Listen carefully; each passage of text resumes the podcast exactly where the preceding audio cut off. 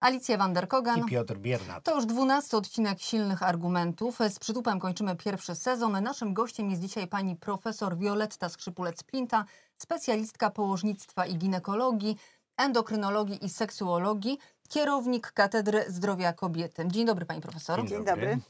Pani profesor, przed nami wakacje i chcemy porozmawiać o seksie, bo podobno to jest taki czas, e, który sprzyja inicjacji seksualnej. Myślę, że no, zaczęliśmy od końca, bo jeżeli mamy dobrą edukację seksualną, jesteśmy przygotowani do wakacji, to seksualność jest jednym z elementów wakacji. Oczywiście dobrze wyedukowana młodzież wie, co to są ryzykowne zachowania seksualne. Jasne, że słońce, pogoda, trochę e, bryzy czy trochę wiatru mazurskiego zawsze sprzyja temu, że e, życie seksualne zaczyna się nagle, prawda? To jest ten seks spontaniczny, ale dobrze przygotowując rodzice dziecko do wyjazdu, wiedzą, że trzeba porozmawiać o antykoncepcji awaryjnej, trzeba porozmawiać o prezerwatywach, trzeba w ogóle porozmawiać o antykoncepcji. Ja nie wiem, czy Państwo zdają sobie w ogóle z tego sprawę, że zapanował taki strach niepożądanych ciąż, że no, parę matek przyszło po antykoncepcję awaryjną po prostu po antykoncepcji awaryjnej, którą dają córkach na wakacje, zakładając, że ona nie będzie potrzebna, że wrócą z tych wakacji i oddadzą tą tabletkę No mamie. właśnie, z jednej strony strach, ale z drugiej strony taka, takie lekceważenie, taka beztroska, bo w, czy w dobie w- internetu w ogóle seksuolog jest jeszcze nam potrzebny? Nie no to seksuolog jest bardzo potrzebny. Ale do Bo czego? posiada Wszystko tą- można przeczytać, wszystko można się dowiedzieć. Czego? Z filmów pornograficznych? Z czego? Z y, y, y, wieści internetowych? Porządna nauka edukacji seksualnej zaczyna się od przedszkola. Uczymy, co to jest dobry i zły dotyk. Mhm. Bez względu na to, czy są to dzieci sprawne intelektualnie, niesprawne, czy mamy jakiś kłopot, czy nie, ta edukacja jest potrzebna. Tak jak seksualność jest przez całe życie. Ja rozumiem, do czego Państwo dążycie, że to właśnie to słońce, bryza, wakacje, e, że to sprzyja kontaktom seksualnym. Oczywiście, że tak, e, bo jest to klimat, któremu sprzyja, ale po to jest edukacja seksualna, żeby uczyć, że te wakacyjne przygody no, kończyć się mogą niepla nieplanowaną ciążą, a wiek szkolny to nie jest czas na to, żeby zostawać mamą. Oczywiście jest to wolny wybór, każdy ma prawo. Ciąż młodocianych na całym świecie jest coraz więcej. E, Nasz podcast to jest taka przestrzeń o lekarzach dla lekarzy. Więc pani profesor, proszę powiedzieć, jak to jest e, z tym seksem wśród em, tej grupy zawodowej? Czy lekarze są w stanie otwarcie o nim mówić? E, Skąd czerpią o nim wiedzę? Ja myślę, że coraz bardziej otwarcie mówią pediatrzy. Pracowaliśmy nad tym cały rok, jeżdżąc na konferencje i ucząc, w związku z y, możliwością szczepienia e, na wirusa HPV, czyli chronimy szyjki macicy przed rakiem szyjki macicy. Mhm. Jeżeli zdamy sobie z tego sprawę, że codziennie umierają cztery Polki, statystycznie cztery Polki, wyobraźcie wyobraźcie to sobie, dzisiaj umrą, jutro, pojutrze, czyli nazbieramy w ciągu tygodnia samolot kobiet, które umiera, a sześć dowiaduje się, że ma raka, no to są tragiczne informacje. W związku z tym e, do edukacji w tym wieku najmłodszym, żeby szczepić, przeznaczeni są pediatrzy, no bo oni mają kontakt z tymi dziećmi. Nie jest to łatwe, ale ja muszę powiedzieć, że odbiór pediatrów jest fantastyczny. I nikt mi nie powie, że pediatryce średnia wieku 50 nie rozumieją. Rozumieją doskonale problem edukacji dla swoich ma- Tak. dzieci, wnuczek. Czy zaszczepi pani swoją wnuczkę? Oczywiście, że tak. I jak wczoraj się dowiedziałam, te szczepienia idą. Czy, czy się to podoba, czy nie, szczepią się dzieci, szczepią się też osoby starsze. Bo Tobie nie wiem- poszło, ale chyba. E, Nie, właśnie na potwierdzenie, e, na potwierdzenie pani profesor słów e, mam przykład z ubiegłego tygodnia, kiedy moje dziecko poszło do lekarza pierwszego kontaktu. E, Przyszło do domu i powiedziało, mamo, wystartował taki program przeciwko, szczepienia przeciwko HPV, e, może bym się zaszczepiła. No i rzeczywiście machina ruszyła, więc ta informacja do mojej córki pacjentki dotarła. Em, No ale nie ma kampanii. Nie mówimy o tym głośno, nie ma mm, żadnego billboardu i żadnej reklamy telewizyjnej. Ja bym Są- to nawet są e, reklamy powiedział, że jest telewizyjne. taka cisza na ten temat. Ale to może dobrze. Więcej się zaszczepi, nim się obudzą antyszczepionkowcy, prawda? Jest ich sporo. Rozmawiałam wczoraj y, na ten temat z doktorem Grzesiowskim, który jest bardzo otwarty i, i bardzo konkretny, jeżeli chodzi o szczepienia. Mamy szczepionkę, która jest przebadana w ciągu 17 lat. Tyle trwały badania w Anglii, trochę krócej w Szwecji. Mhm. Australia jest wyszczepiona i oni nie będą mieli w ogóle raka szyjki macicy. Za, tak planują za paręnaście lat. Szczepi się chłopców, szczepi się dziewczynki. No, żeby zaszczepić, trzeba być przekonanym. Żeby być przekonanym, to najszybciej przekonamy y, swoich kolegów lekarzy. I tak to jest. Naprawdę ilość pytań na pierwszych spotkaniach, kiedy mówiliśmy o edukacji seksualnej, o ryzykownych zachowaniach, o molestowaniu seksualnym, to trudne było dla pediatrów, ale bardzo przejrzyste, bo efekt szczepienia nie jest spektakularny. Dzisiaj zaszczepimy dwunastolatkę, ale tego chronimy ją przed tym, co ją spotka za dobrych parę lat. Prawda? Zaszczepimy chłopca, ochronimy go przed kontaktami, przed efektami kontaktów Niby za to jest 15 lat. takie wszystko proste, natomiast proszę powiedzieć, mówię pani o pediatrach. A skąd młodzi ludzie w tej chwili y, zdobywają wiedzę o seksie, o edukacji seksualnej? Gdzie to się wszystko odbywa? w internecie i ta No wiedza. właśnie. I teraz proszę, panie redaktorze, sobie wyobrazić tak. Mamy grupę czternastolatków. Oglądają sobie filmy pornograficzne, bo to stąd się zaczyna. Słowo seks jest nadal najczęściej wystukiwanym słowem po godzinie 18, kiedy powinno się z rodzicami grać w tenisa, uczyć się i robić wiele innych rzeczy. I uczą się takiego seksu. Seksu, który nie jest seksem. Yy, takim pornograficznym, prawda?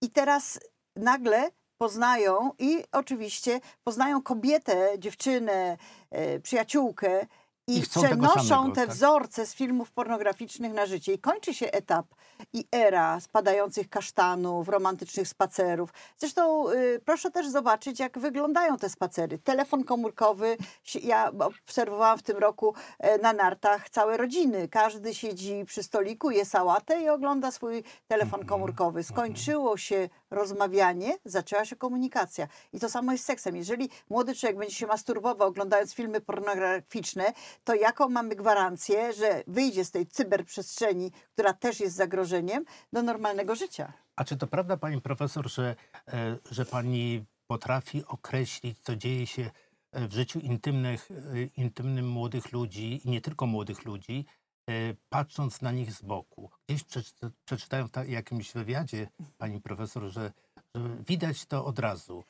W mowie ciała, w spojrzeniach, w gestach. Naprawdę Ale to tak czytamy wszystko? pacjenta, przecież Państwo wiecie o tym, że każdy lekarz, już stary lekarz, taki jak ja, czyta pacjenta, czyta pacjentkę. Jak stoję w sklepie i widzę, że dziewczyna jest cała w pryszcze, mówię ojej, a trochę otyła, ojej, ona ma hyperandrogenizację, insulinooporność, trzeba ją leczyć, sprawdzić androgeny. To już jest taki nawyk zawodowy. Natomiast po zachowaniach widać, prawda, e, jednak trochę tej mm, psychologii posiadamy. Ja nie mówię, że patrząc na całą grupę, ale obserwujemy tych zamkniętych i tych otwartych, tych krzyczących i też do końca nie da się powiedzieć, czy krzyczą i opowiadają sobie kawały na tle seksualnym, bo kryją swoją y, jakąś taką wewnętrzną y, niechęć, y, a może brak akceptacji, czy po prostu są tacy bardzo otwarci. No ale skąd się wzięły ryzykowne zachowania? No, myśmy tego nie wymyślili, to przyszło, prawda? Przyszło to razem z całą historią współczesności. Młodzież lubi ryzykowne zachowania, bo ściąga je z internetu. Dzisiaj już słoneczko czy jakieś inne zabawy nie są trendy. No. Co, co byście zrobili? Przy, przybiega pacjentka z telefonem komórkowym własnej córki, który jest nakręcony e, seks oralny jej właśnie e, w towarzystwie kolegi z klasy, czyli w zasadzie obydwoje są nieletnie. Ona się mnie pyta, co ona ma zrobić. Jest to problem i dlatego, gdybyśmy uczyli, gdybyśmy mówili o tym, że jest kłopot, że są ryzykowne seks zachowania seksualne, że to wszystko kończy się na przykład i pokazali, jak wygląda e, choroba przenoszona drogą płciową, rak szyjki macicy, kiła, która jest przecież wszechobecna, to, to, to i, wróciła w większej ilości, to, to okazałoby się tak, jak wyszło w badaniach amerykańskich. Młodzież uświadomiona, wyedukowana, no później zaczyna życie seksualne. I to też wyszło na podstawie wirusa HPV. Im więcej wiemy, tym bardziej się zastanawiamy. No ale zastanawiamy się, jak nam ktoś wrzuci coś do, do Coca-Coli czy do kubka. Jako matka już uczyliśmy nasze córki. Pamiętaj, strać te 2,50, nie Tak. pij otwartego, nie rób i tak dalej. Także chodź brzegiem ulicy, mm, jak cię ktoś będzie napadał, wymiotuj. To są te podstawowe rzeczy. Ja nie wiem, czy jeszcze ktoś tego uczy w ogóle. Jak się zachować w sytuacji zagrożenia własnego życia. To kiedy młodzież wyedukowana rozpoczyna inicjację seksualną, a kiedy życie seksualne, a kiedy ta młodzież, która no nie ma wiedzy, bo rodzice nie przekazali, bo rodzice nie A zadbali? takich badań nie ma. Mhm. Są badania A s- profesora Zdebskiego, Starowicza na temat seksualności Polaków. Natomiast my wiemy, że zaczyna się e, taka typowa inicjacja e, 13 rok, 14 rok życia.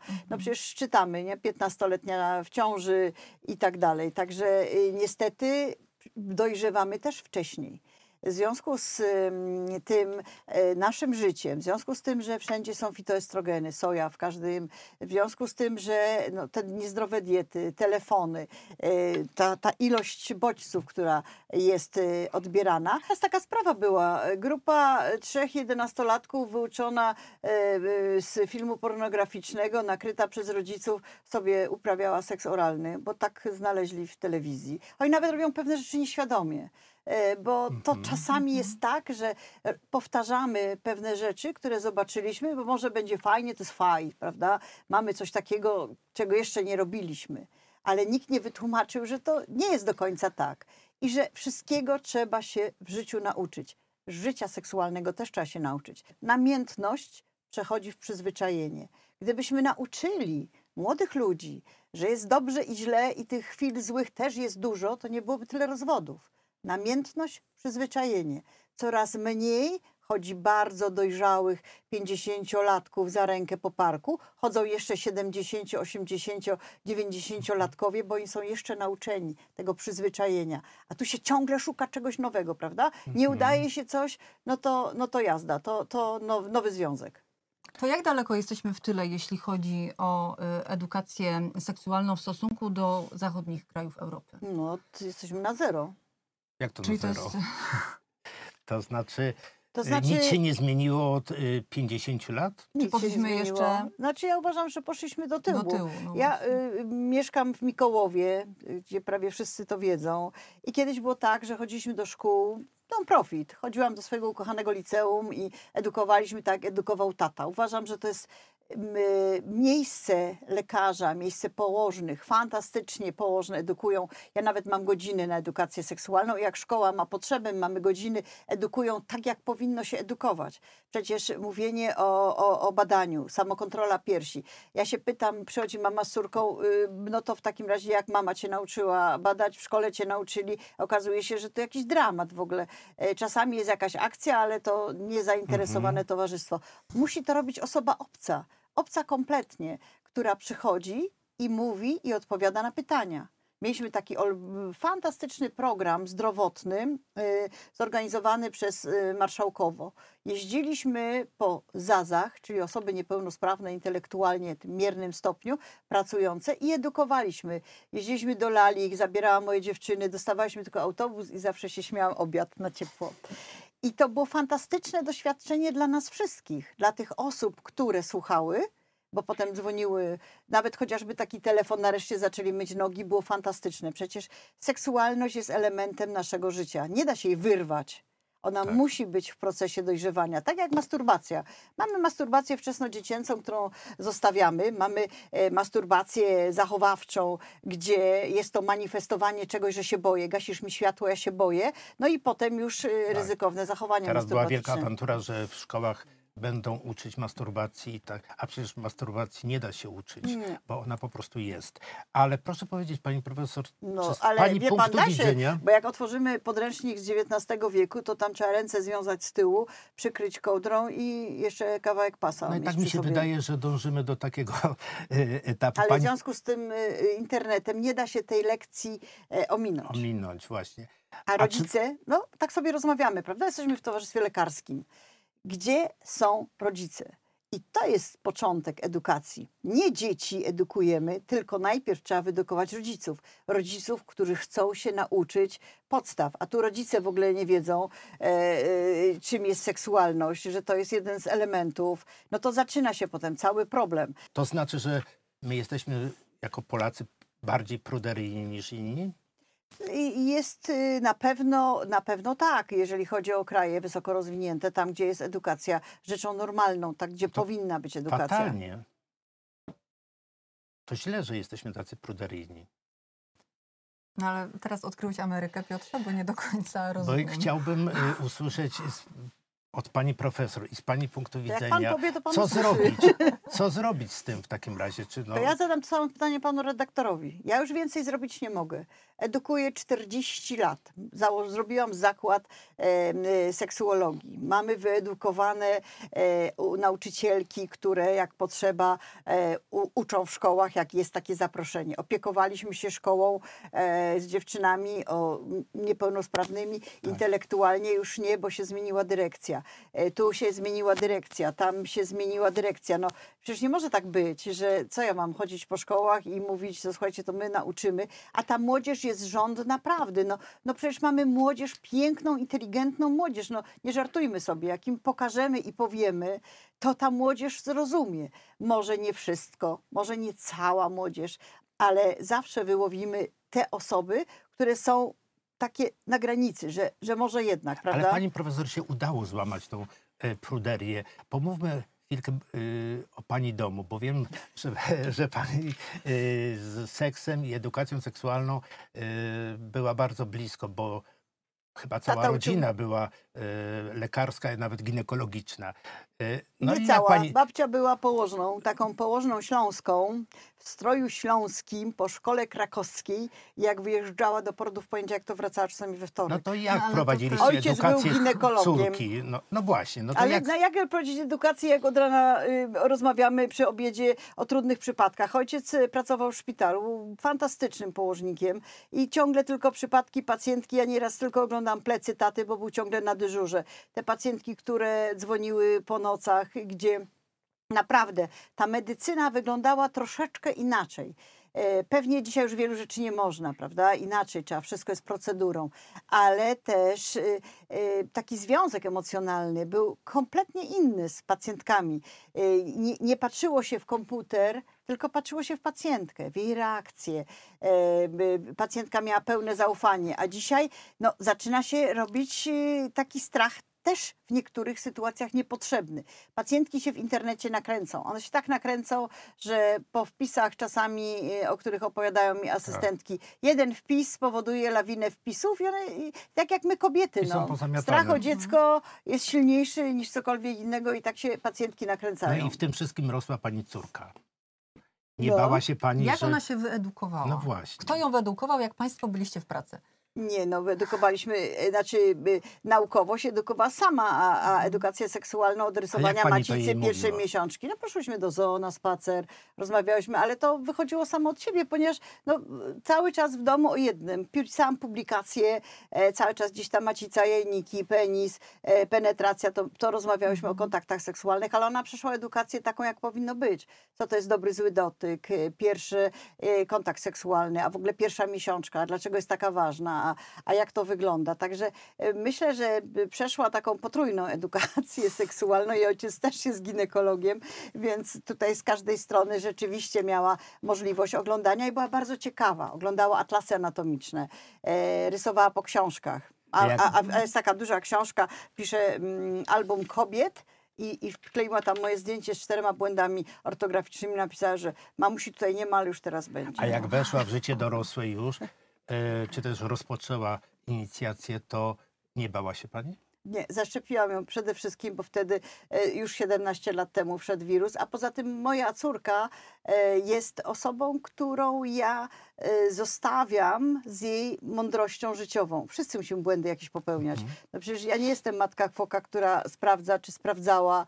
Absolutnie. Uważałam, że przeprowadzone rozmowy, edukacja, antykoncepcja, o której była mowa, są y, tematem przerobionym i w ten sposób y, przeszła sobie spokojnie, czy przechodzi przez swoje życie dojrzałe. Czyli wróćmy na chwilę do antykoncepcji, bo wspomniała Pani, że zdarza się, że przychodzą matki ze swoimi nastoletnimi córkami Mhm. i proszą o odpowiednią dla nich antykoncepcję. No i nie Wow. dostają, Nie dostają? no bo jest prawo. Mhm. Antykoncepcję w grupie młodych kobiet można zastosować dwa lata od pierwszej miesiączki w sytuacjach dolegliwości bólowych, zaburzeń miesiączkowania i tak dalej. Także antykoncepcji jako takiej zgodnie z prawem nie można przepisać do 17 roku życia. To nie jest u nas takie proste. My nie jesteśmy w Ameryce, gdzie e, na przykład tabletkę antykoncepcyjną u dziewczynki, która regularnie miesiączkuje, zapisuje pediatra a ginekolog ogląda ją na pierwszej wizycie za pół roku. Bo my musimy zawsze pamiętać, że w ginekologii najważniejsze jest to ta miesiączka. Jeżeli miesiączkujemy, to też nie ma sensu robienia tysiąca badań, sprawdzania. Mhm. Trzeba popatrzeć na to tak, jak patrzy na to endokrynologia. Jest miesiączka, to znaczy, że organizm sobie funkcjonuje tak z jest pierwszą gotowy. wizytą. Jest gotowy, jest, jest miesiączka, uczymy antykoncepcji. Natomiast y, zdarzają się starsze dziewczyny, 18-letnie, które mogą sobie przyjść do ginekologa i coraz więcej jest chętnych na antykoncepcję długoterminową, czyli implanty. To, co jest tak popularne w Holandii, w Anglii, e, to, to rzeczywiście tych implantów zakłada się dość sporo właśnie w tej grupie. I to jeszcze przed rozpoczęciem życia seksualnego. Tego wcześniej nie było, chociaż implanty już były. Teraz jest taki, taki boom tych już dojrzałych, młodych dam, które wchodzą w życie seksualne, przechodzą po A antykoncepcję. według pani profesor to jaka antykoncepcja jest najlepsza? Dobrana dla danej pacjentki. Ale jak jest na starcie, to na pewno ta, która nie jest antykoncepcją codzienną. To znaczy, bo to jest tak. y, Antykoncepcja weszła y, na rynek y, 63-4 lata temu. Ona była dwuskładnikowa. I to jest fantastyczna antykoncepcja, bo z jednej strony jest antykoncepcja, z drugiej jest wykorzystujemy jej działanie pozaantykoncepcyjne. Prawda? Obfite krwawienia, cysty, y, zespoły napięcia Mhm. przedmiesiączkowego. Ale patrząc na e, świat, który tak strasznie pędzi, ta niecodzienna antykoncepcja świetnie się teraz wpasowuje. Mamy antykoncepcję raz w tygodniu plaster, raz na trzy tygodnie ring, mamy implanon, który stosujemy raz na trzy lata, są systemy wewnątrzmaciczne, także dużo jest tej antykoncepcji. Czy ginekolodzy, e, pani profesor, których średnia wieku wynosi około 60 lat, są dziś gotowi na dość nowy temat pacjentów transpłciowych? Czy są w stanie im pomóc pod względem medycznym i też zabezpieczyć pod względem psychologicznym? Ginekolodzy, lekarze rodzinni, myślę, że powoli przygotowujemy, może tak, już od medycyny praktycznej i, i wielu sympozjów zaczynamy na ten temat mówić. Ja staram się mówić bardzo dużo. Niedawno była konferencja na AWF-ie i ja też starałam się podkreślić, bo to jest jednak problem, o którym się nie mówi. Wyobraźcie sobie Państwo sportowca, który jest sportowczynią, ale był i zaczynał jako mężczyzna. Czy ta wydolność mięśniowa jest inna? Czy ta Mhm. pojemność jest inna? No tak. No, zaczyna się ten problem w sporcie. I to samo dotyczy mm, osób transpłciowych, które towarzyszą nam w życiu, bo przecież to jest już w tej chwili tak e, popularne, tak e, dobrze przygotowane. A jeszcze proszę pamiętać o tym, że teraz gender transex jest takim pojęciem często spotykanym. Czyli mamy macicę, ale jesteśmy mężczyzną i musimy zrobić cytologię, musimy z- zobaczyć, czy nie krwawimy. Jak krwawimy, trzeba reagować, a to wszystko atroficzne po hormonach. To nie jest takie proste, ale profilaktyka jest tutaj obowiązująca. Trzeba przyjąć pacjentkę i trzeba tylko umieć ją dobrze przyjąć, bo to już tego też nie zmienimy. My się psychologią nie będziemy zajmować. My się kompletnie nie będziemy zastanawiać, czy, czy, czy jaki jest. My dostajemy pacjentkę, która jest mężczyzną, ma macicę, jajniki i Mhm. musimy ją sprawdzić. No właśnie, zabezpieczyć pod względem medycznym. A już to pierwsze ciąże. Także ten świat się obraca. My zostajemy w miejscu. Zamiast y, mówić, że no tak, no bo jeżeli odstawimy testosteron przez pół roku, a mamy macicę, a mamy na przykład oncofertility, zabezpieczone komórki jajowe, świat poszedł trochę do przodu. Jesteśmy na to gotowi? Jesteśmy gotowi. Mamy fantastycznych lekarzy, e, niedocenianych lekarzy, mamy fantastyczne narzędzia, natomiast nie dopuszcza się do głosu tych, którzy mieliby to coś więcej do powiedzenia. To nie są już czasy, że osoba transpłciowa budzi uśmiech na twarzy, to są czasy, kiedy my czerpiemy wiedzę z publikacji zagranicznych, e, żeby dobrze pacjenta, pacjentkę e, przygotować do dalszego życia, bo on będzie ta pacjentka, ten pacjent z nami przez wiele, wiele lat. Proszę zobaczyć, co się dzieje. Coraz więcej mamy przedwczesnego wygasania czynności jajników. Mamy dziewczynki 18-letnie, które nigdy nie będą mamami. Czy my im możemy e, e, cokolwiek zaoferować? Oczywiście. My im musimy mówić, że one muszą przyjmować hormony. My im tą macicę musimy trzymać tak, żeby kiedyś, kiedy ona zdecyduje, że chce transfer jajeczka do macicy, i z plemnikami jej partnera. I to się dzieje. To jest normalna, piękna, fantastyczna medycyna. Kiedyś nie mogliśmy im pomóc. Jak mówiłam takiej dziewczynie 17-letniej, że mm, no, niestety nigdy nie będziesz mamą. A dzisiaj, no, przepraszam wszystkich, to, ale dzisiaj już mogę być mamą, jeżeli chcę. Jeżeli my, i myśmy powinni pomagać, powinniśmy mówić, pomagać, bo od tego jesteśmy lekarzami. Na to przysięgaliśmy. Serdecznie dziękujemy. Tu postawmy kropkę. Myśleliśmy, Piotrze, że ta rozmowa będzie bardzo pesymistyczna, ale wypływa z niej dużo nadziei. I uśmiechu Za co, wakacyjnego. za co serdecznie dziękujemy. Naszym gościem była pani profesor Wioletta Skrzypulec-Splinta.